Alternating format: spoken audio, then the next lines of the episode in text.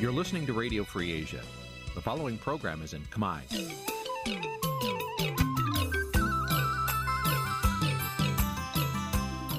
Nǐ chi càm bi tiệp xáy vệt chiu a zì sê ray នេះជាកម្មវិធីផ្សាយរបស់ Vithu Azisari ជាភាសាខ្មែរ វត្តឈូអាស៊ីសេរីសូមស្វាគមន៍លោកអ្នកនាងទាំងអស់ពីរដ្ឋធានី Washington នៃសហរដ្ឋអាមេរិក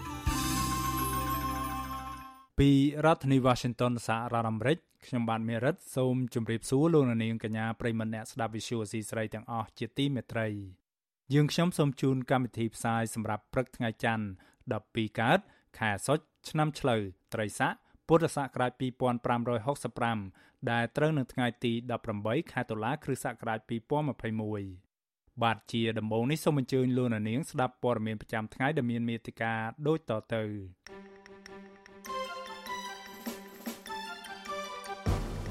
នាវាចម្បាំងអូស្ត្រាលីចូលចតនៅកម្ពុជាចំពេលមានការវិវត្តជាច្រើននៅមូលដ្ឋានកងទ័ពជើងទឹករៀមសង្គមស៊ីវិលជំរុញឲ្យរដ្ឋាភិបាលដោះស្រាយវិវាទដីធ្លីឲ្យមានដំណាភាពអាចទទួលយកបានពីគ្រប់ភាគីពាក់ព័ន្ធពលរដ្ឋខ្មែរអមេរិកាំងសោកស្ដាយចំពោះការបាត់បង់អ្នកលើកស្ទួយព្រះពុទ្ធសាសនា និងវប្បធម៌ខ្មែរនៅលើទឹកដីសហរដ្ឋអាមេរិក បទវិភាគជុំវិញហេតុផលដែលច្បាប់កំណត់សញ្ជាតិខ្មែរតែមួយមិនមែនដើម្បីប្រយោជន៍ជាតិរួមនឹងព័ត៌មានផ្សេងៗមួយចំនួនទៀតបាទជាបន្តទៅទីនេះខ្ញុំបាទមេរិតសូមជូនព័ត៌មានទាំងនេះពឹស្ដាបាទលោកនាងប្រិមនៈស្ដាប់ជាទីមេត្រីនាវាចម្បាំងរបស់អូស្ត្រាលីនឹងចូលចតនៅកំពង់ផែរបស់កម្ពុជា ស្ថិតនៅក្នុងខេត្តព្រះសីហនុនៅថ្ងៃទី18ខែតុលានេះ ការចូលចតដ៏កម្ររបស់នាវាចម្បាំងអូស្ត្រាលីនេះធ្វើឡើងនៅចំពេលដែលមូលដ្ឋានកងទ័ពជើងទឹករៀមរបស់កម្ពុជា មានការស្ថាបនាជាច្រើន ដែលក្រុមអ្នកខ្លាំមើលសង្ស័យថាជាការសម្រួលដល់វត្តមានកងទ័ពចិននេះគឺជាលើកដំបូងហើយក្នុងរយៈពេល5ឆ្នាំដែលនាវាចម្បាំងអូស្ត្រាលីចូលចតនៅកម្ពុជាឯកអរិយទូតអូស្ត្រាលីប្រចាំកម្ពុជាលោក Pablo Kang ឲ្យដឹងនៅលើបណ្ដាញ Twitter នៅថ្ងៃទី17ខែតុលាថា នាវាចម្បាំងដែលមកទស្សនកិច្ចនៅកម្ពុជានៅពេលនេះជាប្រភេទនាវាចម្បាំងទំនើប HMS Anzac លោកឲ្យដឹងទៀតថានាវាចម្បាំងនេះនឹងពំនាំមកជាមួយនៅបរិខាការពីខ្លួនទប់ទល់នឹងជំងឺ Covid-19 ប្រមាណជិត1តោនហើយនឹងមានការរៀបចំជាសិក្ខាសាលាអនឡាញស្ដីពីស្ត្រី សន្តិភាព និងសន្តិសុខអំឡុងពេលចូលចតនៅកំពង់ផែនោះទៀតផងការចូលចតរបស់នាវាចម្បាំងអូស្ត្រាលីនៅកម្ពុជានៅពេលនេះ គឺជាផ្នែកមួយនៃសកម្មភាពចូលរួមថែរក្សាសន្តិសុខដ៏សំខាន់របស់អូស្ត្រាលីនៅក្នុងតំបន់ Indo-Pacific នាវាចម្បាំងអូស្ត្រាលីជាច្រើនគ្រឿងបានចេញដំណើរពីទីក្រុង Darwin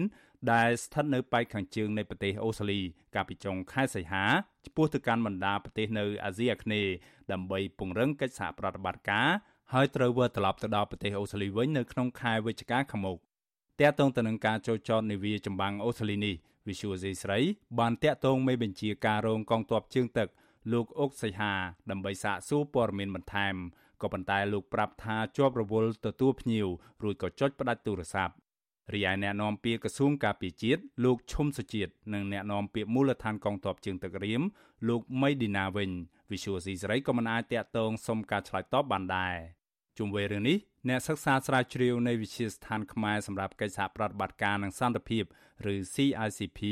លោកវ៉ាន់បូណា មានប្រសាសន៍ថាការចូលចតនាវាចម្បាំងអូស្ត្រាលីនៅពេលនេះមានផលល្អមួយចំនួនដល់កម្ពុជា លោកថាករណីនេះអាចបង្ហាញពីភាពចម្រុះនៃទំនាក់ទំនងលើវិស័យយោធារវាងកម្ពុជាជាមួយប្រទេសដទៃហើយក៏អាចជាចំណុចចាប់ផ្ដើមនៃការសម្រួលទំនាក់ទំនងនៅក្នុងវិស័យយោធាជាមួយក្រុមប្រទេសលោកសេរីផងដែរ។ អូស្ត្រាលីនឹងមានតំណែងមកជាមួយកម្ពុជានឹងមិនមានបញ្ហាអីទេអញ្ចឹងនេះជាកាសមួយសម្រាប់កម្ពុជាបញ្យលបកស្រាយពីការចោតប្រកាន់កន្លងមកក៏ដូចជាបញ្ជាក់ថាខ្លួននឹងពិតជាមិនមានចំហណាមួយសម្រាប់កងទ័ពបរទេស ហើយការដែលចូលចតនេះវាជាសញ្ញាមួយធំវាបង្ហាញថាកម្ពុជានឹងបើកទលាយសម្រាប់កប៉ាល់នាវាចម្បាំងទាំងអស់ដែលចង់ធ្វើកិច្ចសហប្រតិបត្តិការជាមួយកម្ពុជាអាហ្នឹងវាជាចំណុចសំខាន់មួយដែលវាធ្វើការផ្សះផ្សាជាមួយនឹងសហរដ្ឋអាមេរិកផងដែរតាមរយៈយន្តការជាស្ពានរបស់អូស្ត្រាលីបាទទំនាក់ទំនងក្នុងវិស័យយោធា រវាងកម្ពុជាជាមួយក្រុមប្រទេសលោកខាងលិចជាពិសេសជាមួយសហរដ្ឋអាមេរិកបានឡើងកម្ដៅខ្លាំងក្នុងរយៈពេលប្រមាណឆ្នាំចុងក្រោយនេះមូលហេតុគឺដោយសារតែរបបលោកហ៊ុនសែន បានបង្ហាញភាពលំអៀងខ្លាំងទៅរកប្រទេសចិនកុម្មុយនីហើយព័ត៌មានស្ដីពីកិច្ចព្រមព្រៀងយោធាសម្ងាត់រវាងរបបក្រុងភ្នំពេញនិងប៉េកាំងបានផ្ទុះឡើងដែលបង្កជាហានិភ័យដល់សន្តិសុខតំបន់ទាំងមូលបើតាមរបាយការណ៍កន្លងមកកិច្ចព្រមព្រៀងយោធាសម្ងាត់នោះអនុញ្ញាតឲ្យកងទ័ពចិនអាចគ្រប់គ្រងកំពង់ផែកងទ័ពជើងទឹករៀមផ្ដាច់មុខរហូតដល់ទៅ30ឆ្នាំហើយកិច្ចព្រមព្រៀងនោះអាចបន្តរៀងរាល់10ឆ្នាំម្ដងភាគីកម្ពុជានិងចិនសុទ្ធតែបានបដិសេធព័ត៌មាននេះ ក៏ប៉ុន្តែស្ថាប័នស្រាវជ្រាវនឹងសារព័ត៌មានបរទេសបានរកឃើញនឹងចេញផ្សាយជាបន្តបន្ទាប់អំពីការវិវត្តជាច្រើននៅមូលដ្ឋានកងទ័ពជើងទឹករៀមជាពិសេសនៅក្នុងរយៈពេលប្រមាណខែចុងក្រោយនេះការស្ថាបនាអគារផ្លូវនិងហេដ្ឋារចនាសម្ព័ន្ធជាច្រើនបានកើតមានឡើងនៅទីនោះដែលករណីនេះត្រូវគេសង្ស័យថាជាការស្ថាបនាដើម្បីសម្រួលដល់វត្តមានកងទ័ពចិននៅកម្ពុជាអ្នកសិក្សាស្រាវជ្រាវផ្នែកភូមិសាស្ត្រនយោបាយ លោកវ៉ាន់បូណា មានប្រសាសន៍ថានៅក្នុងបរិបទនៃការប្រជែងអធិបុលគ្នាដ៏ស្រួចស្រាលរវាងមហាអំណាចនៅកម្ពុជាបែបនេះកម្ពុជាគួរតែព្យាយាមបង្ហាញពីចំហព្យាក្រឹតរបស់ខ្លួន ដើម្បីទទួលបានប្រយោជន៍នានា ពីក្រុមប្រទេសមហាអំណាច ជាពិសេសពេលដែលកម្ពុជាធ្វើជាប្រធានបដូវវេនរបស់អាស៊ាននៅឆ្នាំ2022ខាងមុខនេះ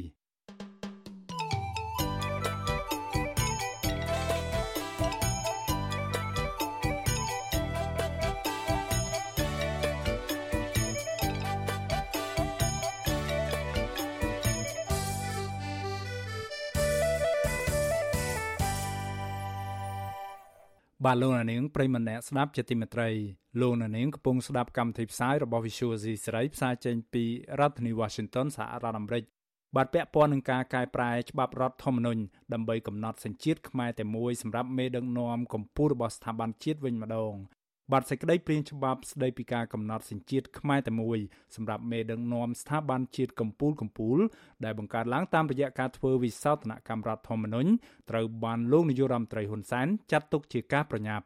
តែការបញ្ញាបញ្ញាលកែរដ្ឋធម្មនុញ្ញដើម្បីកំណត់សញ្ជាតិខ្មែរតែមួយធ្វើឡើងដើម្បីប្រយោជន៍ជាតិឬយ៉ាងណានោះបាទលោកនាងនឹងបានស្ដាប់បទវិភាគជាមួយរឿងនេះនាពេលបន្តិចទៀតនេះ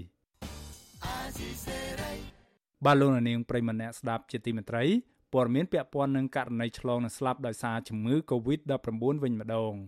អ្នកជំងឺ Covid-19 ចំនួន24អ្នកទៀតបានស្លាប់ដែលធ្វើឲ្យករណីស្លាប់កើនឡើងដល់ជាង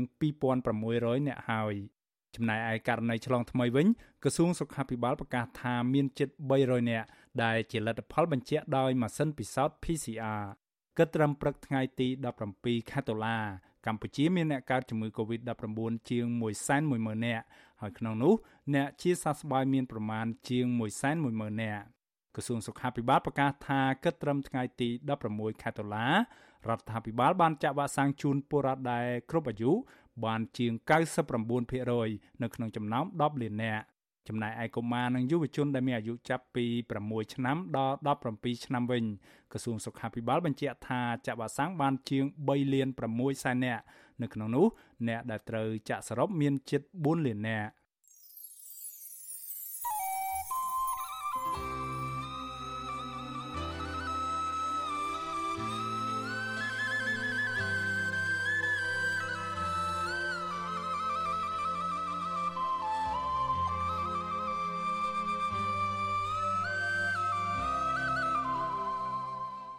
បាទលោកនាងប្រិមម្នាក់ស្ដាប់ជាទីមេត្រីពាក់ព័ន្ធនឹងចំនួនដីធ្លីវិញម្ដង អង្គការលីកាដូរកឃើញថាការរំលោភយកដីធ្លីនៅក្នុងប្រទេសកម្ពុជាមិនមានសញ្ញាថមថយនោះទេ នៅក្នុងអំឡុងពេលនៃការរីករាលដាលនៃជំងឺ Covid-19 បន្ថែមពីនេះទៀតការចាប់ខ្លួន ការឃុំខ្លួនសហគមន៍និងសកម្មជនដីធ្លីបែរជាកើនឡើងទៅវិញសង្គមស៊ីវិលជំរុញឲ្យរដ្ឋាភិបាលដោះស្រាយវិវាទដីធ្លីឲ្យមានដំណាភាព និងឲ្យគ្រប់ភាគីអាចទទួលយកបាន បាទពីរដ្ឋធានី Washington លោកសនច័ន្ទរដ្ឋារាយការណ៍ព័ត៌មាននេះអង្គការលីកាដូចេញផ្សាយរបាយការណ៍ជាវីដេអូខ្លីមួយ នៅថ្ងៃទី17ខែតុលាបង្ហាញថារយៈពេល2ឆ្នាំចុងក្រោយអំឡុងពេលរីករាលដាល COVID-19 នេះប្រជាប្រដ្ឋប្រមាណជាង5000គ្រួសាររងផលប៉ះពាល់ពីការបំពេញយកដី លើពីនេះមានសមាជិកសហគមន៍និងសកម្មជនដីធ្លីយ៉ាងតិចណាស់21នាក់ត្រូវបានឃាត់ខ្លួនហើយក្នុងនោះ មាន10នាក់កំពុងជាប់ឃុំក្នុងពន្ធនាគារអង្គការលីកាដូជីមផ្សាយវីដេអូនេះដើម្បីប្រពៃទិវាសិទ្ធិលំនៅឋានពិភពលោកឆ្នាំ2021ដោយលើកឡើងពីផលប៉ះពាល់នៃ COVID-19 លើសមាជិកសហគមន៍សកម្មជនដីធ្លីនិងការតស៊ូរបស់អ្នកទាំងនោះនៅក្នុងការប្រើប្រាស់សិទ្ធិសេរីភាពជាមូលដ្ឋានរបស់ពួកគេដើម្បីទាមទារមានការគោរពសិទ្ធិដីធ្លីនាយករងអង្គការលីកាដូទទួលបន្ទុកផ្នែកខ្លំមើលសិទ្ធិមនុស្សលោកអំសំអាន សង្កេតឃើញថាបើទោះបីជាក្នុងស្ថានភាព COVID-19 ក៏ករណីការរំលោភដីធ្លីរបស់ពលរដ្ឋកើតមានគ្មានការថមថយដែរដែលជាហេតុធ្វើឲ្យពលរដ្ឋនៅគ្នាជិញតវ៉ាហើយរងការចាប់ប្រកាន់នានារួមទាំងបទល្មើសបំរាមសុខាភិបាលឬបទល្មើសបំរាមរដ្ឋបាលតាក់ទងនឹង COVID-19 ហើយឈានដល់ការចាប់ឃុំខ្លួនពួកគាត់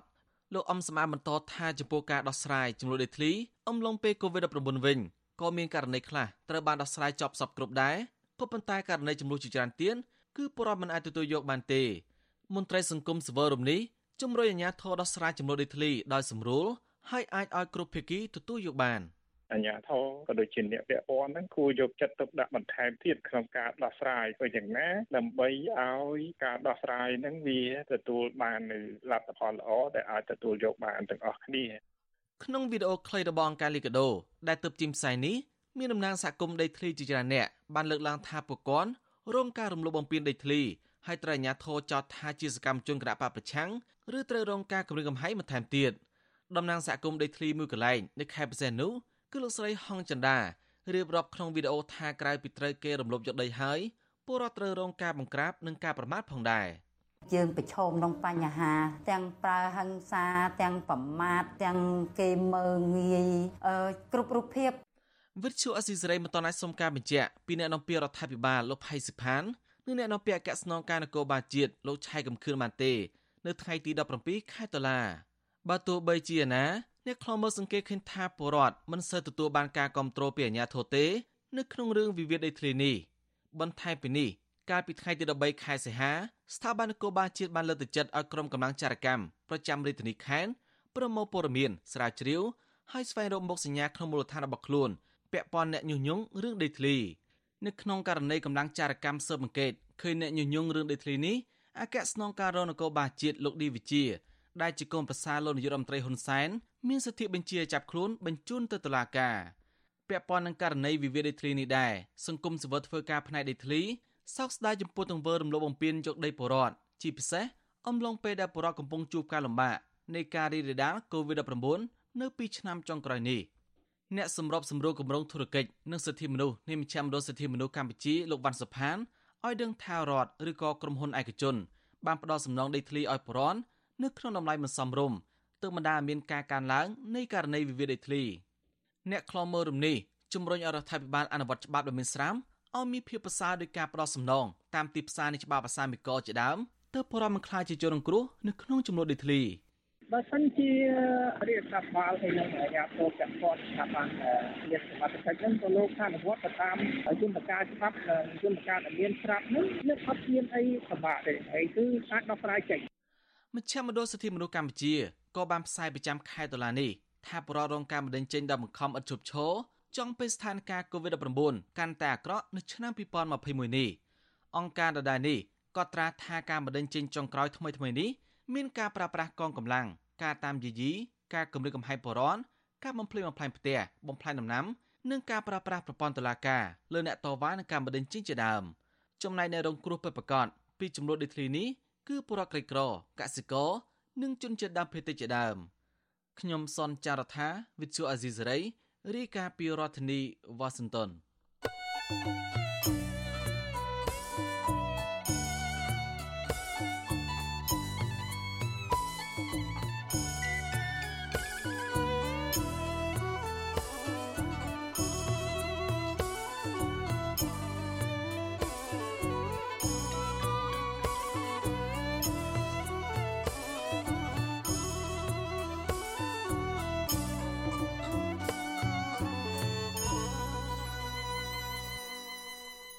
បាទលោកនាងប្រិមម្នាក់ស្ដាប់ជាទីមេត្រីព័ត៌មានដែលដライមួយទៀតពលរដ្ឋខ្មែរអមេរិកាំងជាពិសេសអ្នករស់នៅតំបន់ជុំវិញរដ្ឋធានី Washington សហរដ្ឋអាមេរិកសម្ដែងការសោកស្ដាយចំពោះការបាត់បង់អ្នកលើកស្ទួយវិស័យព្រះពុទ្ធសាសនា និងវប្បធម៌ខ្មែរដ៏ឆ្នើមមួយរូបគឺលោកបណ្ឌិតទុនសវណ្ណដែលលោកបានលាចាកលោកយើងនេះហើយដោយបន្សល់ទុកនៅក្តីអាឡោះអាល័យនិងស្នាដៃជាច្រើនសម្រាប់សហគមន៍ខ្មែរនៅសហរដ្ឋអាមេរិក បាទតើលោកបណ្ឌិតទុនសវណ្ណជាណានាហើយថាតើលោកបានធ្វើអ្វីខ្លះសម្រាប់ជាតិសាសនារបស់ខ្លួន ដែលធ្វើឲ្យមនុស្សជាច្រើនចងចាំចំពោះរូបលោកនោះបាទលោកនាងនឹងបានស្ដាប់សេចក្តីរាយការណ៍ជុំវិញរឿងនេះនាពេលបន្តិចទៀតនេះ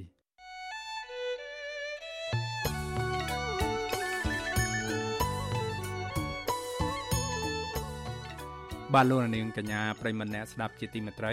នៅក្នុងឱកាសនេះដែរ ខ្ញុំបាទសូមថ្លែងអំណរគុណដល់លោកនាងកញ្ញាទាំងអស់ដែលតែងតែមានភក្ដីភាពចំពោះការផ្សាយរបស់យើងខ្ញុំ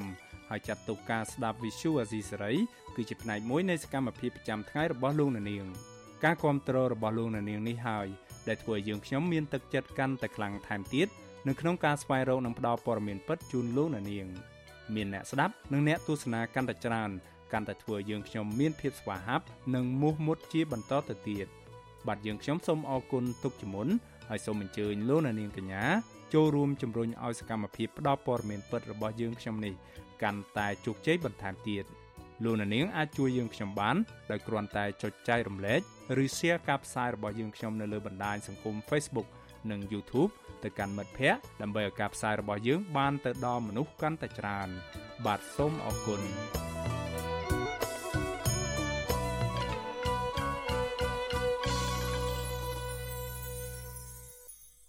បាទលោកនាងប្រិមម្នាក់ស្ដាប់ជាទីមេត្រីក្នុងព័ត៌មានដែលដライមួយទៀតគ្រូបង្រៀនម្នាក់ដែលរិះគន់រឿងអាញាធរសាងសង់ស្ទូបអនុស្សាវរីយ៍មិត្តភាពកម្ពុជាវៀតណាមចាត់ទុកសេចក្តីសម្រេចរបស់សាលាឧទ្ធរបាត់ដំបងថាគឺជារឿងអយុត្តិធម៌និងមិនអាចទទួលយកបាននោះឡើយ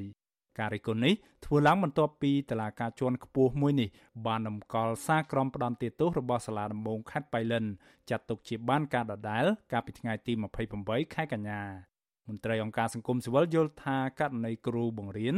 រិះគន់ការសាងសង់ស្ទូបអនុស្សាវរីយ៍មិត្តភាពកម្ពុជាវៀតណាមគឺជាការអនុវត្តសិទ្ធិសម្ដែងមតិដែលធានាដោយច្បាប់មិនមែនជាអំពើល្មើសច្បាប់នោះឡើយបាទលោកជីវតារាយការណ៍ព័ត៌មាននេះគ្រូបង្រៀនម្នាក់ដែលបានបង្ខំសាររិះគន់ការសង់ស្ទូបកម្ពុជាវៀតណាមសម្ដែងការខកចិត្តចំពោះការសម្រេចរបស់សាលាឧទ្ធរបាត់ដំបងថាជារឿងមិនត្រឹមត្រូវនិងមិនអាចទទួលយកបាន។ លោកយួងសូដាជាគ្រូបង្រៀននៅក្រុងប៉ៃលិនប្រាប់អាស៊ីសេរីនៅថ្ងៃទី17តុលាថាលោកសោកស្ដាយជាខ្លាំងចំពោះសាលាឧទ្ធរបាត់ដំបងដែលបានសម្រេចដំកល់សាលក្រមផ្ដន្ទាទោសលោករបស់តុលាការថ្នាក់ក្រោមលោកចាត់ទុកការសម្រេចនេះជារឿងអយុត្តិធម៌បន្ថែមទៀតពីព្រោះកន្លងទៅលោកថាលោកមិនបានប្រព្រឹត្តកំហុសដោយការចោទប្រកាន់របស់តុលាការខេត្តប៉ៃលិនឡើយយុវជនជាគ្រូបង្រៀនវ័យ23ឆ្នាំរូបនេះអះអាងថា សារបង្ហោះនៅលើ Facebook និងក្តីបារម្ភជុំវិញរឿងសង់ស្ទូបមិត្តភាពកម្ពុជាវៀតណាមរបស់លោកកន្លងទៅមិនមែនជាការញុះញង់ដែលធ្វើឲ្យប៉ះពាល់ដល់សង្គមនោះទេប៉ុន្តែវាជាសិទ្ធិសម្ដែងមតិរបស់ពលរដ្ឋដែលធានាដោយច្បាប់ និងស្របតាមភាពជាក់ស្ដែងនៅក្នុងសង្គមកម្ពុជាបច្ចុប្បន្ន។ ខ្ញុំហ៊ានធានាអះអាងតែម្ដងថាខ្ញុំមិនបានខុសដោយការចោទប្រកាន់របស់តុលាការទេហើយខ្ញុំអត់ទទួលស្គាល់ទេសាលក្រមរបស់សាលាដំបងខេត្តបៃលិនហើយនិងសាលដីការបស់សាលាឧទ្ធរខេត្តបាត់ដំបងពីព្រោះអ្វីដែលខ្ញុំធ្វើគឺជារឿងត្រឹមត្រូវហើយស្របច្បាប់ប៉ុន្តែហេតុអីបានចោទខ្ញុំញុះញង់ឲ្យប្រព្រឹត្តបទឧក្រិដ្ឋជាអាទៅវិញខ្ញុំក៏សូមស្នើផងដែរថាឲ្យសាលាការកំពូលគាត់ជួយពិចារណាវិនិច្ឆ័យឲ្យបានច្បាស់លាស់លោកយួងសូដាបញ្ជាក់ថា មេធាវីការពីក្តីឲ្យលោកនឹងដាក់ពាក្យប្តឹងសារទុកទៅតុលាការកំពូល ដើម្បីស្វែងរកយុត្តិធម៌បន្តទៀតប្រតិកម្មនេះធ្វើឡើងបន្ទាប់ពីប្រធានក្រុមប្រឹក្សាជំនុំជម្រះសាលាឧទ្ធរបាត់ដំបងលោកសៅសុភ័ក្រប្រកាសសារដីកាកាលពីថ្ងៃទី28កញ្ញាដោយតម្កល់សាលក្រមផ្ដន្ទាទោសលោកយួងសូដាទុកជាបានការដដែលប៉ុន្តែលោកយួងសូដាទើបបានទទួលសារដីកានេះតាមរយៈមេធាវីនៅថ្ងៃទី16តុលា វិទ្យុអាស៊ីសេរីមិនអាចតាក់ទងអ្នកណាំពាក្យនិងជាអគ្គលេខាធិការរដ្ឋបាលសាលាឧទ្ធរបាត់ដំបងអ្នកស្រីទៀងសម្បូរដើម្បីសាកសួរអំពីការសម្រេចរបស់តុលាការជាន់ខ្ពស់មួយនេះបានទេ នៅថ្ងៃទី17តុលាដោយទូរស័ព្ទហៅចូលតែពុំមានអ្នកទទួលកាលពីថ្ងៃទី6ខែកញ្ញាឆ្នាំ2020លោកយួងសូដាបានបង្ហោះសារនៅលើបណ្ដាញសង្គម Facebook របស់លោកថាឥឡូវនេះ កម្ពុជាមានស្ទូបមិត្តភាពកម្ពុជាវៀតណាមសឹងតែគ្រប់ខេត្តហើយលោកជឿជាក់ថានៅពេលខាងមុខខ្មែរនឹងមានទង់ជាតិ2បង្ហូតក្នុងពេលតែមួយក្រោយពេលបង្ហោះសារនេះក្រឡាបញ្ជីសាលាដំបងខេត្តបៃលិន លោកកៅរស់មនីឧត្តមបានចេញលិខិតជូនដំណឹងអំពីសេចក្តីសម្រេចរបស់តុលាការកាលពីថ្ងៃទី9ខែមេសាឆ្នាំ2021ប្រកាសសាលក្រមរបស់សាលាដំបងខេត្តនេះដោយផ្ដន្ទាទោសលោកយួងសូដាដាក់ពន្ធនាគារ1ឆ្នាំ ក្រោមបទចោទប្រកាន់ញុះញង់ឲ្យប្រព្រឹត្តបទឧក្រិដ្ឋជាអាតពាក់ព័ន្ធនឹងការបង្ហោះសារក្នុងបណ្ដាញសង្គម Facebook កាលពីថ្ងៃទី6ខែកញ្ញាឆ្នាំ2020តុលាការខេត្តបៃលិនជំនុំជម្រះលោកយួងសូដាកំបាំងមុខនៅថ្ងៃទី29មីនានិងប្រកាសសាលក្រមកំបាំងមុខជាសាធារណៈនៅថ្ងៃទី7ខែមេសាឆ្នាំ2021នេះមន្ត្រីសង្គមស៊ីវិលសង្កេតឃើញថា សារបង្ហោះលើ Facebook របស់លោកយួងសូដាកន្លងទៅនោះ គឺជាការអនុវត្តសិទ្ធិបញ្ចេញមតិដែលធានាដោយច្បាប់មិនមែនជាអំពើល្មើសច្បាប់នោះឡើយមន្ត្រីសម្របសម្រួលសមាគមការពារសិទ្ធិមនុស្សអាត6ប្រចាំខេត្តបាត់ដំបងលោកយុនមេងលីសោកស្ដាយចំពោះការដំកល់សាលក្រមផ្ដន្ទាទោសនេះលោកចាត់ទុកសេចក្តីសម្រេចរបស់សាលាអូតូបាត់ដំបងនេះថាជារឿងគំរាមកំហែងធ្ងន់ធ្ងរដែលធ្វើឲ្យប៉ះពាល់ដល់សិទ្ធិបញ្ចេញមតិរបស់ពលរដ្ឋលោកទទូចដល់តុលាការកំពូលឲ្យពិចារណាជុំវិញរឿងនេះ ដើម្បីផ្ដល់យុត្តិធម៌ដល់គ្រូបង្រៀនរូបនេះ។ ទោះបីជាការបញ្ចេញមតិនោះមានការផ្ទុយគ្នា ការបញ្ចេញមតិនោះវាមិនស្របគ្នាណាអញ្ចឹងយើងកុំយកមតិផ្ទុយគ្នាមតិមិនស្របគ្នាឲ្យយើងបែកបាក់សាមគ្គីគ្នានោះវាជាចំណុចមិនល្អទេហើយយើងក៏បីតែរៀនទទួលយកនៅមតិនៅគំនិតផ្សេងផ្សេងដែលអ្នកដែលខុសពីក្រុមយើងបកយើងគេលើកឡើងយើងទទួលយកមកធ្វើការពិចារណានោះទើបធ្វើឲ្យសង្គមយើងមានការអភិវឌ្ឍរីកចម្រើនបានល្អបាទ លោកយួងសូដាបានបង្រៀននៅសាលាបឋមសិក្សាអូខ្ទីងមាសសង្កាត់អូតាវ៉ាវក្រុងប៉ៃលិន រយៈពេល2ឆ្នាំប៉ុន្តែបច្ចុប្បន្នគ្រូបង្រៀនរូបនេះកំពុងភៀសខ្លួននៅកន្លែងមានសុវត្ថិភាពដោយខ្លាចអាជ្ញាធរចាប់ខ្លួន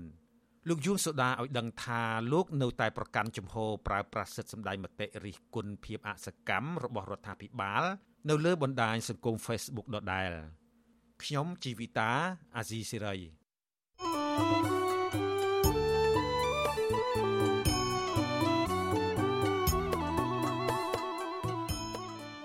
បាទលោកនាងប្រិមម្នាក់ស្ដាប់ជាទីមេត្រីក្រៅពីតាមដានកម្មវិធីផ្សាយរបស់ Visual C ស្រីតាមបណ្ដាញសង្គម Facebook YouTube និង Telegram លោកនាងក៏អាចតាមដានកម្មវិធីផ្សាយរបស់យើងតាមបណ្ដាញសង្គម Instagram ដែលមានអាសយដ្ឋាន instagram.com/rfa ខ្មែរ Visual C ស្រីបន្តខិតខំផ្សព្វផ្សាយព័ត៌មានពិតជូនដល់លោកនាងតាមរយៈបណ្ដាញសង្គមផ្សេងៗនិងសម្បូរបែបដើម្បីឲ្យលោកអ្នកនាងងាយស្រួលតាមដានការផ្សាយរបស់យើងគ្រប់ពេលវេលា និងគ្រប់ទីកន្លែងតាមរយៈទូរស័ព្ទដៃរបស់លោកអ្នកនាង បាទសូមអរគុណ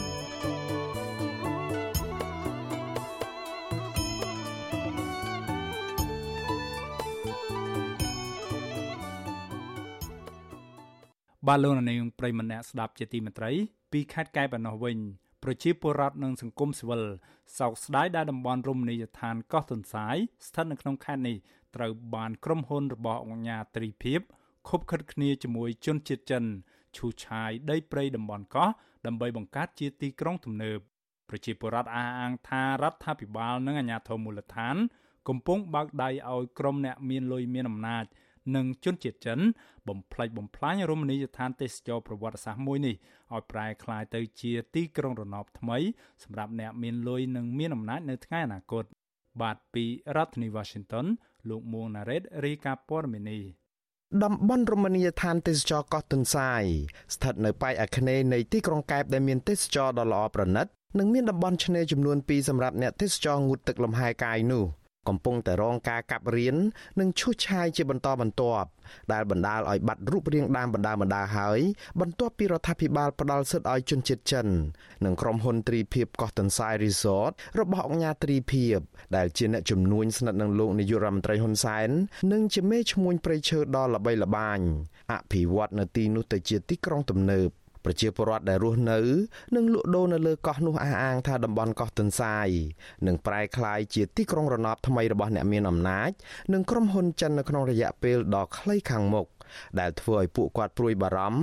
ខ្លាចបាត់បង់កន្លែងដែលធ្លាប់អាស្រ័យផលនិងខ្លាចអាជ្ញាធរបណ្តេញចេញពីទីតាំងនោះប្រធានសហគមន៍កោះទន្សាយលោកស្រីវួយអាយ ថ្លែងប្រាប់វិទ្យុអាស៊ីសេរីនៅថ្ងៃទី17ខែតុលា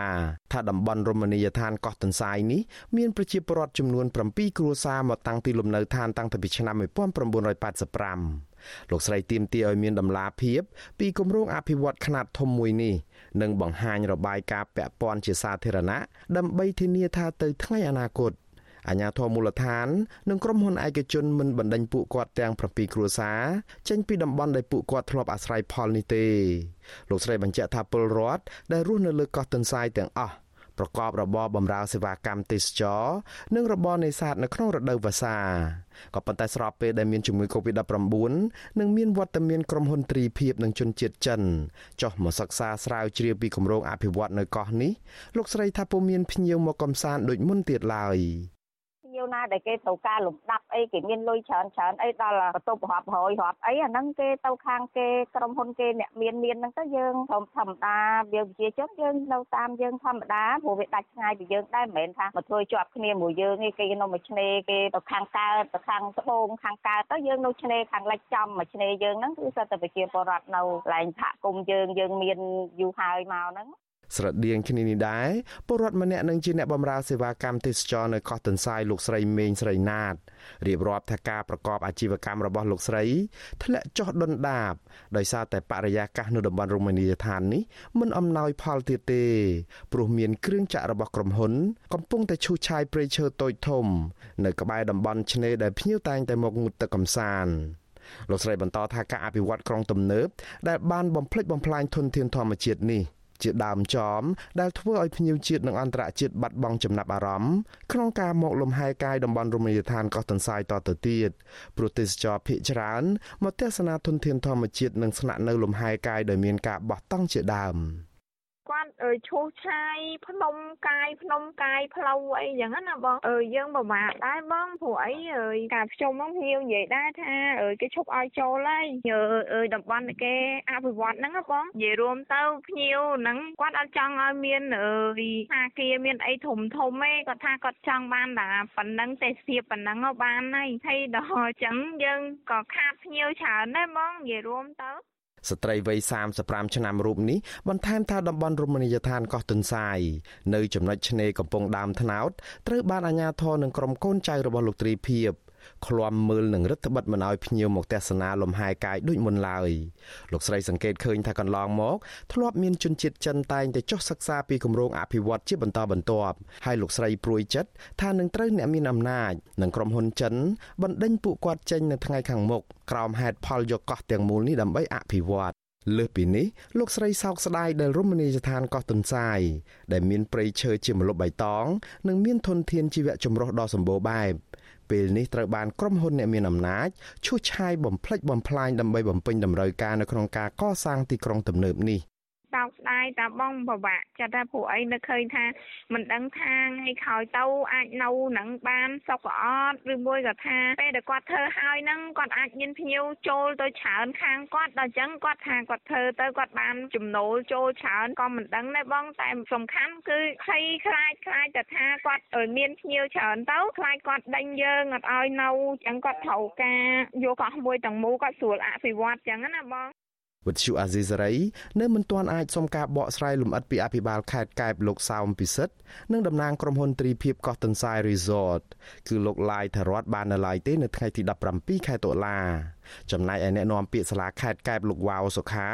ក៏វិទ្យុអាស៊ីសេរីមិនអាចតាក់ទងបានដែរដោយទូរស័ព្ទហៅចូលតែលោកចុចផ្ដាច់ប្រព័ន្ធទូរស័ព្ទទៅវិញ។ ក៏ប៉ុន្តែតំណាងក្រុមហ៊ុនទ្រីភិបកោះទន្សាយ Resort លោកឡាយថារដ្ឋថ្លែងប្រាប់សារព័ត៌មាននៅក្នុងស្រុកនៅពេលថ្មីថ្មីនេះថាគម្រោងវិនិយោគខ្នាតយក្សមួយនេះចំណាយទឹកប្រាក់ជាង100លានដុល្លារសម្រាប់អភិវឌ្ឍកោះទន្សាយឲ្យក្លាយទៅជាទីក្រុងរណបទំនើបនិងបង្កើតបានជាកន្លែងភូមិរមណីយដ្ឋានទេសចរកន្លែងស្នាក់នៅលំហែកាយសន្តាគារផ្កាយ5និងទីកន្លែងសម្រាប់លេងកីឡាតាមមាត់ឆ្នេរ តំណាងក្រុមហ៊ុនរូបនេះអះអាងថាការបង្កើតគម្រោងនេះក្រុមហ៊ុននឹងរក្សានៅគម្របព្រៃឈើឲ្យបានលើសពី60%ស្របតាមការកំណត់របស់រដ្ឋាភិបាលនិងអភិវឌ្ឍតំបន់រមណីយដ្ឋានកោះទន្សាយឲ្យកាន់តែមានសក្តានុពលសម្រាប់ទាក់ទាញទេសចរឲ្យមកកំសាន្តកាន់តែច្រើន បន្ថែមពីនេះអ្នកនាំពាក្យសាលាខេត្តកែបលោកវ៉ាវសុខាប្រាប់កាសែតភ្នំពេញប៉ុស្តិ៍កន្លងទៅថាគម្រោងអភិវឌ្ឍនេះស្ថិតលើទំហំផ្ទៃដីជាង100ហិកតា មានរយៈពេល55ឆ្នាំដើម្បីអភិវឌ្ឍផ្នែកសេវាកម្មបម្រើទេសចរនិងពង្រីកសក្តានុពលឲ្យកាន់តែប្រសើរជាងមុនអ្នកនាំពាក្យរូបនេះអះអាងថាគម្រោងមួយនេះចូលរួមចំណែកយ៉ាងសំខាន់នៅក្នុងការរៀបចំកសាងហេដ្ឋារចនាសម្ព័ន្ធផ្លូវថ្នល់នៅជុំវិញកោះនិងតភ្ជាប់ប្រព័ន្ធអគ្គិសនីជាដើម។ បើទោះបីជាយ៉ាងនេះក្តីមន្ត្រីអង្គការសង្គមស៊ីវិលនិងក្រុមអ្នកការពារបរិស្ថានដែលបានសិក្សាអំពីរឿងនេះជំរុញឲ្យរដ្ឋាភិបាលនិងម្ចាស់ក្រុមហ៊ុនត្រូវតែសិក្សាឲ្យបានល្អិតល្អន់ជាពិសេសបង្ហាញរបាយការណ៍វិយតម្លៃប៉ះពាល់បរិស្ថាន និងសង្គមជាសាធារណៈ សមាជិកបណ្ដាញយុវជនកម្ពុជា CYN លោកសាន់ម៉ាឡាសង្ឃឹមថារដ្ឋាភិបាលនិងក្រុមហ៊ុនអនុវត្តគម្រោងនេះនឹងមានការទទួលខុសត្រូវលើធនធានធម្មជាតិនិងប្រជាពលរដ្ឋមូលដ្ឋានជៀសវាងការលក់ធនធានសម្បត្តិធម្មជាតិឲ្យក្រុមហ៊ុនឯកជនសម្រាប់អភិវឌ្ឍហើយធ្វើឲ្យប្រជាពលរដ្ឋនៅមូលដ្ឋានទឹកភ្នែក លោកបន្តថាអាជ្ញាធរនិងក្រុមហ៊ុនត្រូវតែជួបពិភាក្សាគ្នាជាមួយនឹងប្រជាពលរដ្ឋមូលដ្ឋាន ដើម្បីធានាថាមិនបំបិតសិទ្ធិនៃការប្រកបរបរនៅលើកោះទន្សាយនិងមិនបណ្តេញពួកគាត់នៅថ្ងៃអនាគត។ខ្ញុំគិតថានៅលើកោះកង្សាយមានប្រជាពលរដ្ឋរស់នៅនឹងប្រកបមុខរបរទេសចរច្រើនដែរអញ្ចឹងក្រុមហ៊ុនក៏ត្រូវតែស្រួលនឹងថ្មិចឲ្យប្រជាពលរដ្ឋតូចតាចគាត់អាចប្រកប របររកស៊ីបាទទាញចំណូលពីកោះនេះ ដោយស្មើភាពគ្នាជាមួយក្រុមហ៊ុនมันមានការរកស៊ីផ្ដាច់មុខហើយបិទសិទ្ធិប្រជាពលរដ្ឋអីនោះទេបាទនេះជាអ្វីដែលខ្ញុំសង្ឃឹម កាលពីឆ្នាំ2009រដ្ឋាភិបាលបានប្រគល់សិទ្ធិវិនិយោគកោះនេះឲ្យក្រុមហ៊ុនចិនក៏ប៉ុន្តែនៅឆ្នាំ2018រដ្ឋាភិបាលក៏សម្រេចដកសិទ្ធិនេះវិញដោយប្រជាពលរដ្ឋមូលដ្ឋានអះអាងថាក្រុមហ៊ុនចិនចង់ក្តោបក្តាប់កោះទន្សាយទាំងមូលនិងចង់បណ្ដេញពួកគាត់ឲ្យចេញពីកន្លែងដែលធ្លាប់អាស្រ័យផលជាមួយរឿងនេះអ្នកសម្របសម្រួលគម្រោងធុរកិច្ចនិងសិទ្ធិមនុស្សនៃមជ្ឈមណ្ឌលសិទ្ធិមនុស្សកម្ពុជាលោកវ៉ាន់សុផាតយល់ថាគម្រោងអភិវឌ្ឍខ្នាតធំមួយនេះ បង្កើតឡើងសម្រាប់តែអ្នកមានលុយមានអំណាចតែប៉ុណ្ណោះចំពោះប្រជាពលរដ្ឋក្រីក្រវិញពួកគាត់ពុំមានលទ្ធភាពទៅទស្សនាកំសាន្តនៅតំបន់កោះនេះនោះឡើយលើសពីនេះទៅទៀតលោកទៀមទាយ៉ាងទទូចដល់រដ្ឋាភិបាលឲ្យគិតគូរពីផលប៉ះពាល់សង្គមនិងគោរពសិទ្ធិប្រជាពលរដ្ឋមូលដ្ឋានជាអាទិភាព ដើម្បីកុំឲ្យពួកគេរស់នៅក្នុងក្តីព្រួយបារម្ភអំពីគម្រោងអភិវឌ្ឍមួយនេះ។ អ្នកដែលគាត់អាចទៅទស្សនាបានគឺគាត់ទៅទស្សនាទៅអ្នកដែលរងផលប៉ះពាល់នៅតែប៉ះពាល់ទៅហើយពិសេសគឺជាពលរដ្ឋដែលថាមានផលប្រយោជន៍ទៅគឺជាពលរដ្ឋនៅទីនោះភាគច្រើនដល់ទៅអញ្ចឹងទៅគាត់ខ្លាយទៅជាកម្មករពីណាហើយពីការព្រួយបារម្ភរបស់យើងយើងតែមិនទៅគោរពសិទ្ធិមនុស្សណាបាទអញ្ចឹងគាត់អត់ទៅពិសិដ្ឋសិទ្ធិមនុស្សរបស់ប្រជាពលរដ្ឋអត់ទៅពិសិដ្ឋសិទ្ធិរបស់កម្មករមកទេភាគច្រើនគឺថាធ្វើម៉េចរកតែស្វែងរកផលចំណេញទេ ទីក្រុងកែបមានកោះតូចធំចំនួន12នៅក្នុងនោះក៏មានកោះទន្សាយដែលមានផ្ទៃដីសរុបជិត200ហិកតាដែលជារមណីយដ្ឋានមានធនធានធម្មជាតិដ៏ស្រស់ត្រកាលមានឆ្នេរខ្សាច់ពពកនិងស្រស់ស្អាត និងមានធនធានជីវៈចម្រុះច្រើនប្រភេទក៏ប៉ុន្តែបច្ចុប្បន្ននេះទីកោះនេះកំពុងតែរងការបំផ្លិចបំផ្លាញនិងឈូសឆាយព្រៃពីសំណាក់ក្រុមហ៊ុនឯកជន ដែលមានទំនាក់ទំនងជាមួយក្រុមអ្នកមានអំណាច។ ក្រៅពីនេះប្រជាពលរដ្ឋអះអាងថាតំបន់កោះមួយចំនួនទៀតដូចជាកោះពោក៏នឹងអាចប្រែក្លាយទៅជាក្រុងទំនើបដែរព្រោះមានវិនិយោគិនជនជាតិចិន បានចុះមកសិក្សាពីគម្រោងអភិវឌ្ឍនេះជាបន្តបន្ទាប់លើពីនេះប្រជាពលរដ្ឋព្រួយបារម្ភថានៅថ្ងៃអនាគតតំបន់កោះទន្សាយនឹងត្រូវបានក្រុមហ៊ុនរបស់អ្នកមានអំណាចនិងក្រុមហ៊ុនចិនកាន់កាប់ទាំងស្រុងហើយពួកគាត់នឹងត្រូវប្រឈមការបណ្តេញចេញក្រោមហេតុផលអភិវឌ្ឍនេះជាមិនខានខ្ញុំបាទមុងណារ៉េត វិទ្យុអាស៊ីសេរីប្រធានាធិបតី Washington បាឡូណានាងជាទីមេត្រីដំណើរគ្នានឹងស្ដាប់ការផ្សាយរបស់ Visual Asia ស្រីតាមបណ្ដាញសង្គម Facebook និង YouTube លោកនាងកញ្ញាក៏អាចស្ដាប់កម្មវិធីផ្សាយរបស់ Visual Asia ស្រីតាមរលកធារកាសខ្លីឬ Shortwave តាមកម្រិតនិងកម្ពស់ដូចតទៅនេះបាត់ពេលព្រឹកចាប់ពីម៉ោង5កន្លះដល់ម៉ោង6កន្លះ តាមរយៈរលកធារកាសខ្លី9940 kHz ឬស្មើនឹងកម្ពស់ 30m ពេលយប់ចាប់ពីម៉ោង7កន្លះដល់ម៉ោង8កន្លះតាមរយៈរលកធារកាសខ្លី9960 kHz ស្មើនឹងកម្ពស់ 30m និង11240 kHz ស្មើនឹងកម្ពស់ 25m បាទសូមអរគុណ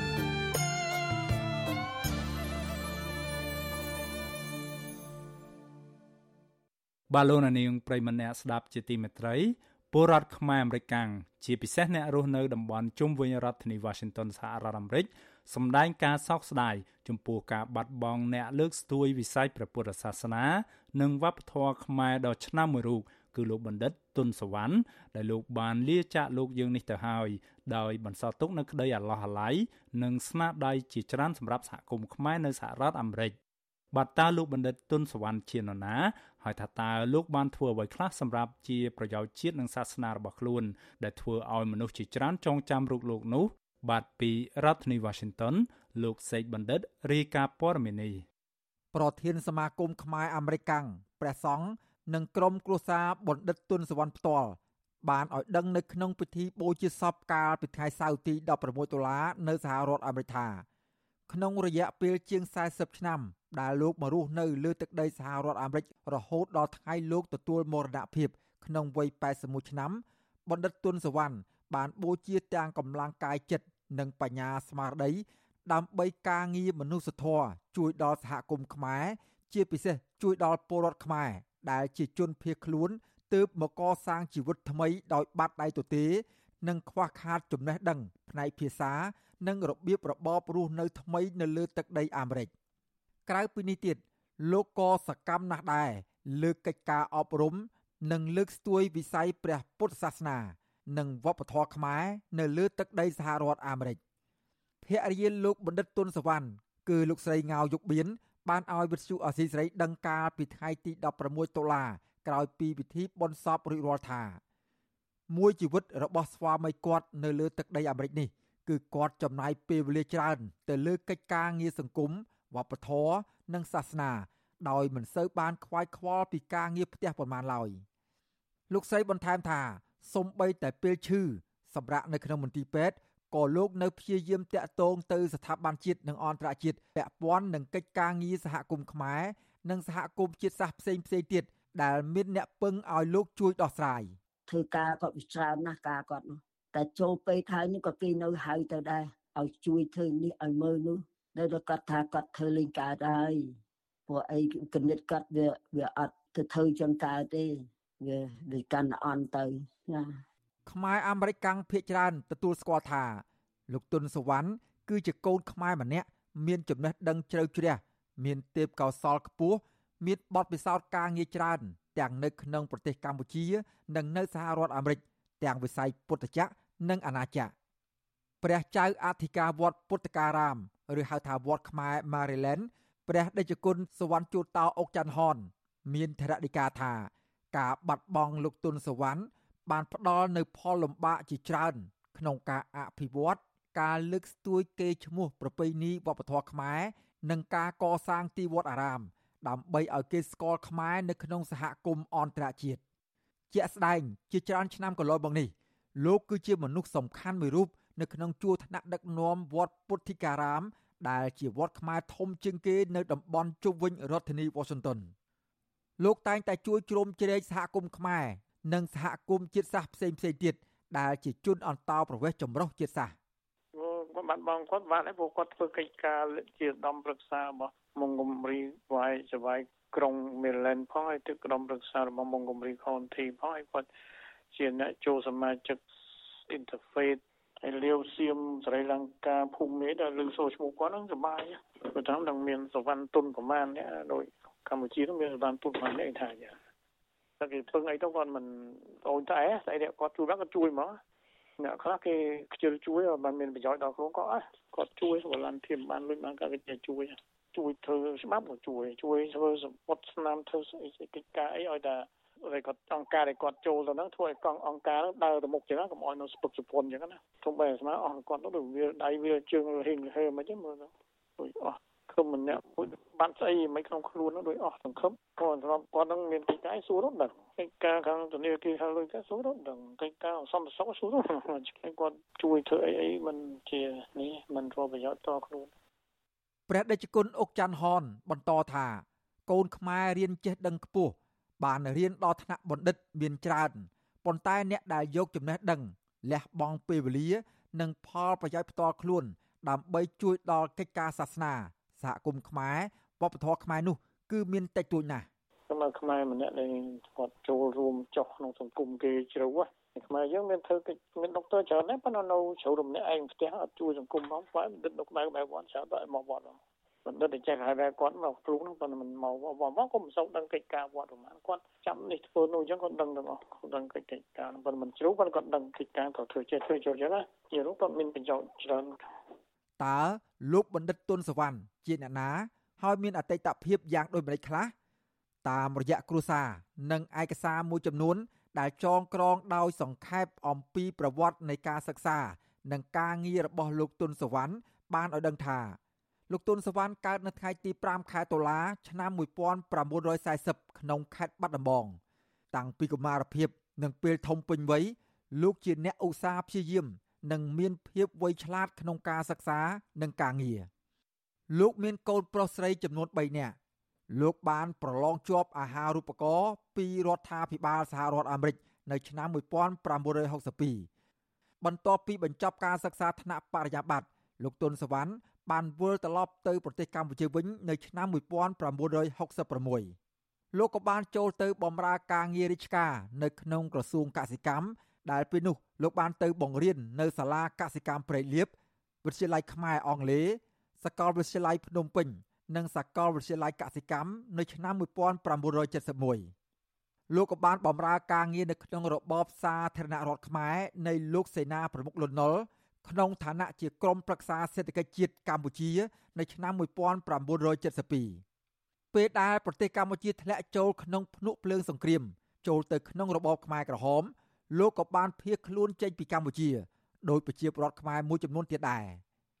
នៅពេលនោះលោកក៏បាននាយកអង្គការសហប្រជាជាតិទទួលលោកឲ្យសិក្សាបន្តថ្នាក់អនុបណ្ឌិតនៅសហរដ្ឋអាមេរិកហើយលោកបានបញ្ចប់ការសិក្សានោះនៅឆ្នាំ1979 ហើយក្រោយមកលោកក៏បានបន្តយកឋានៈបណ្ឌិតទៀតជីវិតរស់នៅលើទឹកដីសហរដ្ឋអាមេរិកលោកបានបម្រើការងារជាច្រើនឲ្យរដ្ឋាភិបាលអាមេរិកាំងរហូតដល់លោកចូលនិវត្តន៍នៅឆ្នាំ2018ពាក់ព័ន្ធនឹងការងារសង្គម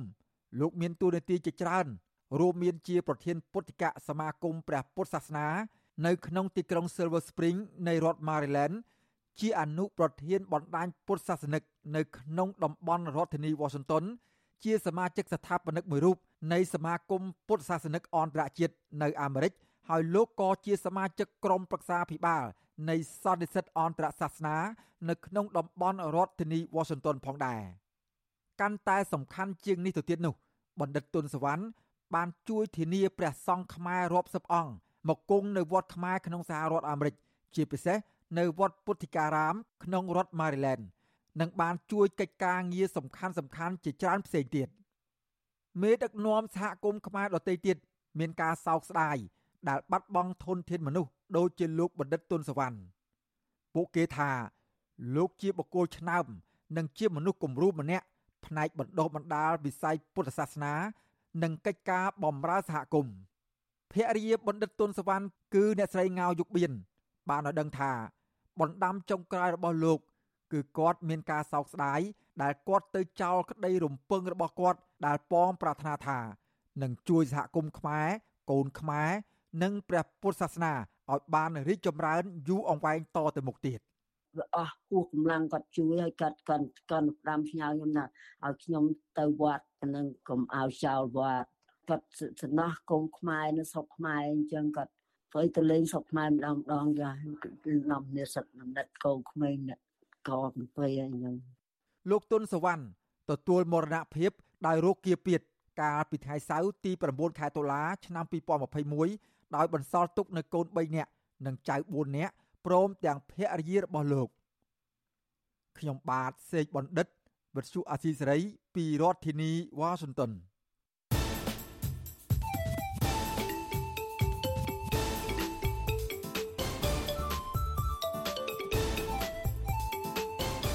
វិភាគ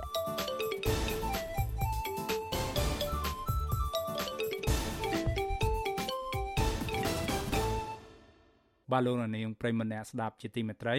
សេចក្តីព្រាងច្បាប់ស្តីពីការកំណត់សញ្ជាតិខ្មែរតែមួយសម្រាប់ក្រុមមេដឹកនាំស្ថាប័នជាតិកម្ពុជាកម្ពុជាដែលបង្កើតឡើងតាមរយៈការធ្វើវិសោធនកម្មរដ្ឋធម្មនុញ្ញនោះត្រូវបានលោកនាយករដ្ឋមន្ត្រីហ៊ុនសែនចាត់ទុកជាការប្រញាប់ តើការបញ្ញត្តិបញ្ញត្តិកែប្រែរដ្ឋធម្មនុញ្ញដើម្បីកំណត់សញ្ជាតិខ្មែរតែមួយធ្វើឡើងដើម្បីប្រយោជន៍ជាតិឬយ៉ាងណានោះបាទសូមអញ្ជើញលោកនាងស្ដាប់បទវិភាគរបស់លោកមួងណារ៉េតជុំវិញរឿងនេះដូចតទៅការកែរដ្ឋធម្មនុញ្ញដែលជាច្បាប់កម្ពុជានិងដែលត្រូវធ្វើឡើងយ៉ាងតក់ក្រហល់នៅក្នុងកលៈទេសៈនេះទំនងជាមិនមែនធ្វើឡើងដើម្បីប្រយោជន៍ជាតិពិតប្រាកដនោះឡើយ តទៅនេះគឺជាតលហីកឬក៏សំអាងហេតុដែលគ្រប់គ្រងដល់ការយល់ឃើញខាងលើទី1នៅក្នុងពេលនេះប្រទេសកម្ពុជា កំពុងតែស្ថិតនៅក្នុងស្ថានភាពដ៏លំបាកលំបិនបំផុតផ្នែកសេដ្ឋកិច្ចនិងសង្គមដោយសារតែវិបត្តិនៃជំងឺ Covid-19 កំណើនសេដ្ឋកិច្ចកម្ពុជាដែលធ្លាប់កើន7%ប្រចាំឆ្នាំ បានធ្លាក់មកនៅក្រោមសូន្យនិងត្រូវការច្រានឆ្នាំទម្រាំស្ដារបានមកវិញវិស័យទេសចរក៏ដាំក្បាលចុះដល់ចំណុចសូន្យដែរ ជិត2ឆ្នាំមកនេះរដ្ឋខ្សោះអស់ថវិកាទាំងថវិកាបំរុងដែលតម្រូវឲ្យរដ្ឋកាត់បន្ថយថវិកាជាតិសម្រាប់ការចំណាយទូទៅពាក់កណ្ដាលប្រជាពលរដ្ឋរាប់លានអ្នកបាត់បង់មុខរបរការងារនិងប្រភពរកប្រាក់ចំណូលដើម្បីចិញ្ចឹមជីវិតប្រចាំថ្ងៃស្របពេលដែលពួកគាត់ជំពាក់បំណុលធនាគារវ៉ាន់កមិនថាអ្នកនៅក្នុងស្រុកទេ ដែលជួបបញ្ហាពលករចំណាក់ស្រុកជិត2លាននាក់ក៏ជួបបញ្ហាលំបាកនេះដែរ ពលករជាង20000នាក់ឆ្លងជំងឺ Covid-19 និងមិនទទួលបានការយកចិត្តទុកដាក់ថែទាំសុខភាពពេញលេញពីអាជ្ញាធរប្រទេសថៃ និងអាជ្ញាធរកម្ពុជានោះទេ ពលករជាច្រើន សម្រុកមកកម្ពុជាវិញក៏ប៉ុន្តែដោយសារគ្មានការងារធ្វើនៅក្នុងស្រុកពួកគាត់ត្រូវប្រថុយប្រឋានឆ្លងដែនទៅប្រទេសថៃដើម្បីរកការងារធ្វើទាំងប្រទេសថៃកំពុងតែផ្ទុះជំងឺ Covid-19 ខ្លាំង ក្នុងពេលជាមួយគ្នានេះអង្គការ UNICEF បានព្រមានកាលពីដើមខែតុលាថាកុមារនិងយុវជនខ្មែរជាច្រើនមានបញ្ហាសុខភាពផ្លូវចិត្តដោយសារតែផលប៉ះពាល់នៃវិបត្តិនៃជំងឺ Covid-19 ដែលតម្រូវឲ្យរដ្ឋាភិបាលយកចិត្តទុកដាក់ខ្ពស់នៅក្នុងការដោះស្រាយបញ្ហាចំពោះមុខទាំងអស់នេះត្រូវការដោះស្រាយជាបន្ទាន់ក៏ប៉ុន្តែមិនមានការពាក់ព័ន្ធអ្វីសូម្បីតែបន្តិចទៅនឹងភាពបន្ទាន់និងចាំបាច់នៃការកែរដ្ឋធម្មនុញ្ញដើម្បីកំណត់សញ្ជាតិតែមួយនេះទេ ទី2បើទោះបីជារបបក្រុងភ្នំពេញខំប្រឹងបង្ហាញរូបភាពនៃការយល់ស្របនិងស្រុះគ្នាតាមគំនិតរបស់លោកហ៊ុនសែនក្តីក៏កម្ពុជានៅពេលនេះពុំមានឯកភាពជាតិនោះទេ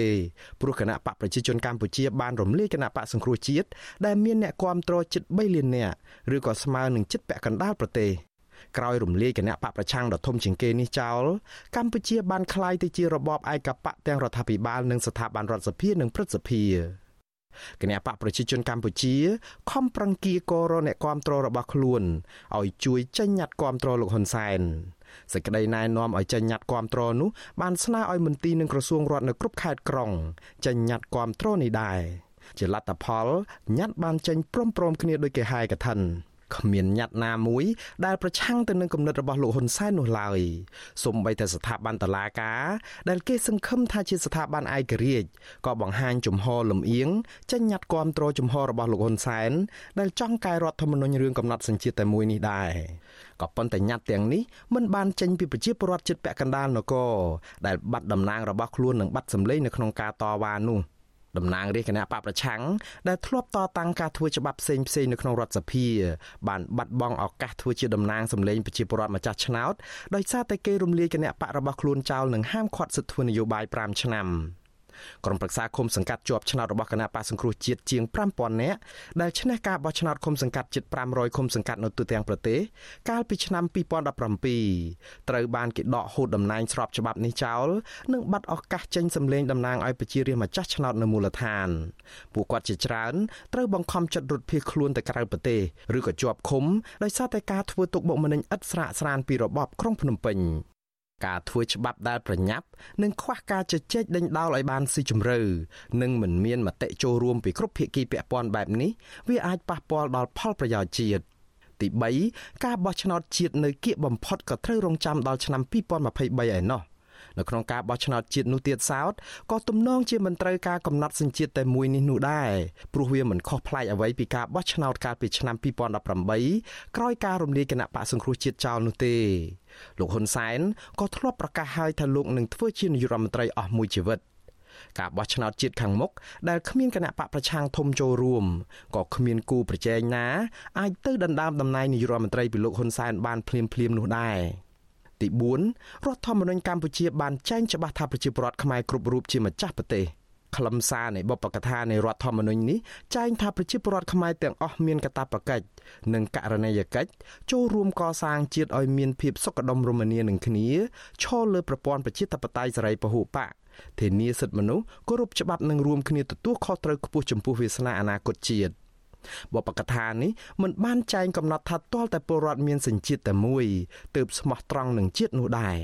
គឺចែងថាពលរដ្ឋខ្មែរគ្រប់រូបអាចមានទាំងអ្នកមានសញ្ជាតិតែមួយសញ្ជាតិពីរឬច្រើន គឺសុទ្ធតែអាចជួយកសាងជាតិបានទាំងអស់គ្នាជាងនេះទៅទៀតប្រវត្តិសាស្ត្របានបង្ហាញថាមេដឹកនាំដែលមានសញ្ជាតិតែមួយគត់រួមទាំងអតីតកម្មាភិបាលខ្មែរក្រហមផង បានធ្វើឲ្យជាតិនេះលិចលង់និងស្លាប់មនុស្សរាប់លានអ្នកផង នៅក្នុងពេលជាមួយគ្នានេះលោកហ៊ុនសែនដែលមានសញ្ជាតិខ្មែរតែមួយនេះក៏ធ្លាប់ធ្វើជាមេបញ្ជាការកងទ័ពខ្មែរក្រហមនិងក្រោយមកចូលដៃជាមួយនឹងកងទ័ពវៀតណាមជាង1សែននាក់បើកការឈ្លានពានចូលទឹកដីកម្ពុជា ក្រោមរូបភាពរំដោះជាតិនោះដែរក្រោយមកទៀតលោកហ៊ុនសែនបកុំតែបានបរទេសគឺវៀតណាមលើកបន្ទប់ឲ្យធ្វើជាមេដឹកនាំកុំអីលោកមិនបានត្រួតត្រាប្រទេសដល់សពថ្ងៃនេះឡើយ លើសពីនេះក្រោមការដឹកនាំរបស់លោកហ៊ុនសែនដែលអះអាងថាលោកមានសញ្ជាតិខ្មែរតែមួយគត់នេះក៏បានបើកដៃឲ្យជនអន្តោប្រវេសន៍វៀតណាមខុសច្បាប់ហូរចូលស្រុកខ្មែររាប់សែននាក់តាំងតែពីឆ្នាំ1979មកសពថ្ងៃជនអន្តោប្រវេសន៍បរទេសទាំងនេះជាច្រើន មានអត្តសញ្ញាណប័ណ្ណសញ្ជាតិខ្មែរដែលអាចបោះឆ្នោតឲ្យគណៈបកប្រជាជនកម្ពុជារបស់លោកហ៊ុនសែនបានថែមទៀតផងឥឡូវឧបមាដោយអ្វីដែលលោកហ៊ុនសែនអះអាងទៅចោះ គឺលោកថាអ្នកមានសញ្ជាតិតែមួយជាអ្នកស្មោះត្រង់នឹងជាតិជាងអ្នកមានសញ្ជាតិលើសពីមួយចុះតើបញ្ហានៃការរំលោភសិទ្ធិមនុស្សការវាយនិងចាប់ប្រជាពលរដ្ឋស្លូតត្រង់ដាក់គុកព្រមទាំងការបំផ្លាញប្រជាធិបតេយ្យធ្ងន់ធ្ងររហូតធ្វើឲ្យកម្ពុជារងទុក្ខដោយសារតែទណ្ឌកម្មជំទិះពីសហគមន៍អន្តរជាតិនិងត្រូវខ្ចីដង្ហើមចិនដកបែបនេះក្រែងកំពុងតែដឹកនាំដោយអ្នកដែលមានសញ្ជាតិតែមួយឯ ទី4កម្ពុជាត្រូវការកម្លាំងនិងធនធានមនុស្សគ្រប់ស្រទាប់វណ្ណៈរួមទាំងពលរដ្ឋខ្មែរដែលមានសញ្ជាតិលើសពីមួយផងភ័ស្តុតាងបានបង្ហាញថាក្រោយមានកិច្ចព្រមព្រៀងសន្តិភាពទីក្រុងប៉ារីនិស្សិតបញ្ញវន្តអ្នកជំនាញនិងអ្នកនយោបាយខ្មែរជាច្រើន ដែលបានភៀសខ្លួនទៅក្រៅប្រទេសនិងមានសញ្ជាតិលើសពីមួយបានចូលរួមយ៉ាងសកម្មនៅក្នុងការលើកស្ទួយលទ្ធិប្រជាធិបតេយ្យនិងការអភិវឌ្ឍសេដ្ឋកិច្ចនៅកម្ពុជា ការទៅរស់នៅស្រុកក្រៅរបស់ប្រជាពលរដ្ឋខ្មែរទាំងនោះទទួលបានសញ្ជាតិបរទេសដែលជាអត្តសញ្ញាណបន្ថែមមួយដែលជាលិខិតបញ្ជាក់អំពីប្រវត្តិនៃខ្សែជីវិតរបស់ពួកគាត់ដែលមានដើមកំណើតខ្មែរទោះពួកគាត់មានសញ្ជាតិបរទេសបន្ថែមក៏គេនៅតែកំណត់អត្តសញ្ញាណរបស់ពួកគាត់ថាជាអ្នកមានដើមកំណើតខ្មែរដដែលឧទាហរណ៍ជនជាតិអាមេរិកដើមកំណើតខ្មែរឬខ្មែរអាមេរិក ជនជាតិបារាំងដើមកំណើតខ្មែរឬខ្មែរបារាំងឬក៏ជនជាតិអូស្ត្រាលីដើមកំណើតខ្មែរឬក៏ខ្មែរអូស្ត្រាលីជាដើមនៅប្រទេសជឿនលឿននិងប្រកាន់លទ្ធិប្រជាធិបតេយ្យគេបណ្ដោះគំនិតនិងលើកទឹកចិត្តឲ្យប្រជាពលរដ្ឋរបស់ខ្លួន ជាពិសេសក្មេងៗឲ្យមានក្តីសុបិនធំធំនៅក្នុងជីវិតរួមទាំងក្តីសុបិនចង់ក្លាយជាមេដឹកនាំប្រទេសផង។ កូនខ្មែរជាច្រើន ដែលមានសញ្ជាតិពីរក៏មានក្តីសុបិនចង់យកចំណេះវិជ្ជារបស់ខ្លួន ដែលបានក្រេបជញ្ជក់នៅប្រទេសជឿនលឿនទៅជួយកសាងប្រទេសកម្ពុជាដែរមិនថានៅក្នុងមុខតំណែងអ្វីនោះទេរួមទាំងតំណែងជានាយករដ្ឋមន្ត្រី ប្រធានរដ្ឋសភា ប្រធានព្រឹទ្ធសភានិងប្រធានឧត្តមក្រុមប្រឹក្សាធម្មនុញ្ញផងឲ្យតែពួកគាត់មានសមត្ថភាព និងប្រជាពលរដ្ឋបោះឆ្នោតគ្រប់គ្រង ក៏ប៉ុន្តែសេចក្តីព្រៀងច្បាប់កែរដ្ឋធម្មនុញ្ញដើម្បីកំណត់សញ្ជាតិតែមួយនេះមិនត្រឹមតែអាចជាឧបករណ៍សម្រាប់ក្តីសុបិនរបស់កូនខ្មែរដែលមានសញ្ជាតិពីរនិងដែលចង់កាន់តំណែងកម្ពូលកម្ពូលនេះប៉ុណ្ណោះនោះទេ គឺវាជាការរើសអើងជាតិសាសន៍ថែមទៀតផង ជាងនេះទៅទៀតការផាត់ចោលអ្នកមានសញ្ជាតិពីរនោះហាក់ដូចជាចាត់ទុកថាពួកគាត់មិនមែនខ្មែរ ដូច្នេះបើនិយាយអំពីផលប្រយោជន៍ជាតិវាស្ទើរតែគ្មានសំអាងហេតុឲ្យសមល្មមអាចទទួលយកបានណាមួយដើម្បីគ្រប់គ្រងគោលបំណងនៃច្បាប់នេះនោះឡើយក៏ប៉ុន្តែបើនិយាយអំពីហេតុផលផ្សេងពីនេះវាដូចជាតំណងជាងនេះឥឡូវយើងសាកញាតត្រឡប់ទៅក្រោយវិញបន្តិចទៅមើលព្រឹត្តិការណ៍មុនលោកហ៊ុនសែនព្រួយផ្ដើមឲ្យធ្វើច្បាប់នេះកាលពីថ្ងៃទី5ខែតុលាប្រធានស្ដីទីគណៈបកសង្គ្រោះជាតិលោកសំរងស៊ីចេញសេចក្តីអំពាវនាវមួយដោយចោទលោកហ៊ុនសែនថាជាជនក្បត់ជាតិចង់រត់ចោលស្រុក ព្រោះសំអាងលើអត្ថបទចេញផ្សាយរបស់កាសែត The Guardian ដែលចុះផ្សាយមុននេះថាលោកហ៊ុនសែនបានទិញលិខិតឆ្លងដែនសញ្ជាតិស៊ីបលោកសំរងស៊ីអំពាវនាវឲ្យប្រជាពលរដ្ឋខ្មែរនិងកងកម្លាំងប្រដាប់អាវុធផងត្រូវជំរុញឲ្យរបបលោកហ៊ុនសែនដួលរលំនិងត្រូវរៀបចំប្រទេសកម្ពុជាឡើងវិញឲ្យប្រជាពលរដ្ឋខ្មែរបានស្គាល់នៅលទ្ធិប្រជាធិបតេយ្យពិតប្រាកដក្រោយលោកសំរងស៊ីចេញសារនេះភ្លាមប្រសិនបើលោកនាយរដ្ឋមន្ត្រីហ៊ុនសែនយល់ថាការផ្សាយរបស់កាសែតអង់គ្លេសនោះមិនពិតលោកគួរតែសុំការបំភ្លឺភ្លាម ផ្ទុយទៅវិញលោកហ៊ុនសែនបែរជាឆ្លៀតឱកាសនោះស្នើកែរដ្ឋធម្មនុញ្ញដើម្បីកំណត់សញ្ជាតិតែមួយនេះទៅវិញលោកហ៊ុនសែនសរសេរសារនៅលើ Facebook របស់លោកនៅថ្ងៃទី5ខែតុលាដដែលនោះថាបលេងកុំខឹងបើខឹងកុំលេងព្រោះទ្វារត្រូវបានបិទជារៀងរហូតទៅហើយសម្រាប់ពួកសញ្ជាតិពីរដែលប៉ុនប៉ងកាន់តំណែងកម្ពុជាជាពិសេសតំណែងនាយករដ្ឋមន្ត្រីនេះភ្លាមនោះញ៉ាត់គាំទ្រសេចក្តីស្នើច្បាប់នេះបានធ្លាក់មកដូចភ្លៀងបាក់មេឃ គឺធ្លាក់មកពីគ្រប់ទិសទីទាល់តែថ្ងៃបន្ទាប់គឺថ្ងៃទី6ខែតុលាទើបក្រសួងការបរទេសកម្ពុជាសរសេរលិខិតតវ៉ាដោយសុំការបញ្ជាក់ឡើងវិញជុំវិញការផ្សាយរបស់កាសែតអង់គ្លេសនេះនៅថ្ងៃទី6ខែតុលានោះដែរកាសែតអង់គ្លេសបានកែតម្រូវអត្ថបទរបស់ខ្លួនដោយដកឈ្មោះលោកហ៊ុនសែនពីអ្នកទិញសញ្ជាតិស៊ីបក៏ប៉ុន្តែសរសេរឃ្លាថាមនុស្សសំខាន់សំខាន់ដែលជាចំណិតរបស់លោកហ៊ុនសែនបានទិញសញ្ជាតិស៊ីបនេះ មជ្ឈដ្ឋានទូទៅចោទជាសំណួរថាចុះបើគ្រាន់តែកាសែតសរសេរខុសលោកសំរងស៊ីដកស្រង់សម្ដីតាមលោកហ៊ុនសែនគួរគ្រាន់តែសុំឲ្យកសែតនោះកែតម្រូវទៅជាការស្រេចទៅហើយចាំបាច់អ្វីរហូតដល់ទៅស្នើកែរដ្ឋធម្មនុញ្ញដើម្បីកំណត់សញ្ជាតិតែមួយនេះទៅវិញ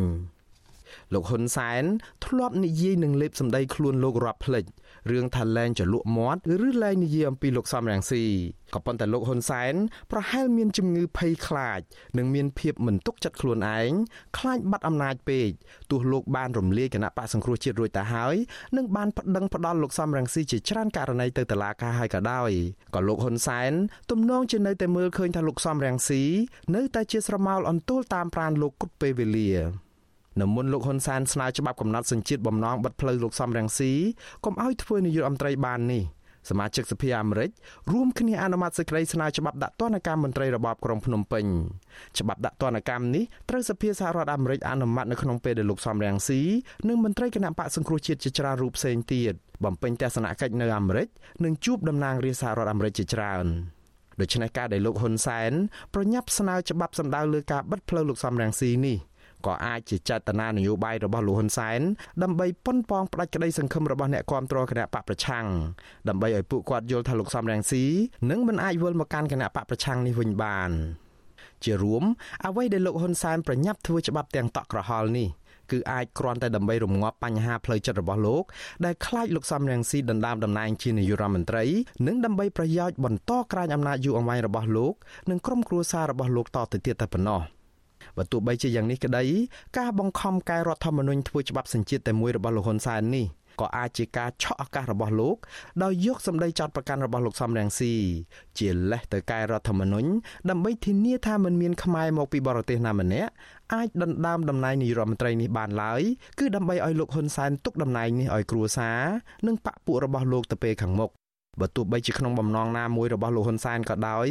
បើយោងតាមសំអាងហេតុខាងលើ ការកែរដ្ឋធម្មនុញ្ញដែលជាច្បាប់កម្ពុជានិងដែលត្រូវធ្វើឡើងទាំងមិនមានពេលដេកពួនក្នុងកលៈទេសៈបែបនេះ គ្មានហេតុផលសមស្របណាមួយ ដែលថាធ្វើដើម្បីប្រយោជន៍ជាតិនោះឡើយផ្ទុយទៅវិញសេចក្តីព្រៀងច្បាប់នេះធ្វើឡើងដើម្បីគ្រាន់តែបំពេញភាពអាត្មានិយមជំរុញឲ្យមានការរើសអើងខ្មែរគ្នាឯងដែលមានសញ្ជាតិពីរឬច្រើន និងបង្ហាញអំពីភាពដឹកនាំបែបផ្ដាច់ការតាមអារម្មណ៍ភ័យខ្លាចបាត់អំណាចតែប៉ុណ្ណោះខ្ញុំបាទមុងណារ៉េត With you Aziz Ray ប្រធានាទី Washington បាទលោកនាងជាទីមេត្រីដំណើរគ្នានឹងស្ដាប់ការផ្សាយរបស់ Visual Asia ស្រីតាមបណ្ដាញសង្គម Facebook និង YouTube លោកនាងកញ្ញាក៏អាចស្ដាប់កម្មវិធីផ្សាយរបស់ Visual Asia ស្រីតាមរលកធារកាសខ្លីឬ Shortwave តាមកម្រិតនិងកម្ពស់ដូចតទៅនេះបាទពេលព្រឹកចាប់ពីម៉ោង5កន្លះដល់ម៉ោង6កន្លះតាមរយៈរលកធារកាសខ្លី9940 kHz ឬស្មើនឹងកម្ពស់ 30m ពេលយប់ចាប់ពីម៉ោង7កន្លះដល់ម៉ោង8កន្លះតាមរយៈរលកធារកាសខ្លី9960 kHz ស្មើនឹងកម្ពស់ 30m និង11240 kHz ស្មើនឹងកម្ពស់ 25m បាទសូមអរគុណ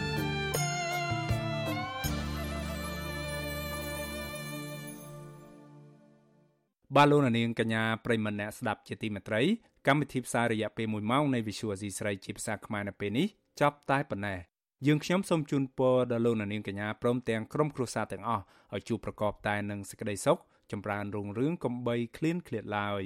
ខ្ញុំបាទមេរិតព្រមទាំងក្រុមការងារទាំងអស់នៃវិសុយអសីស្រីសូមអរគុណនិងសូមជម្រាបលា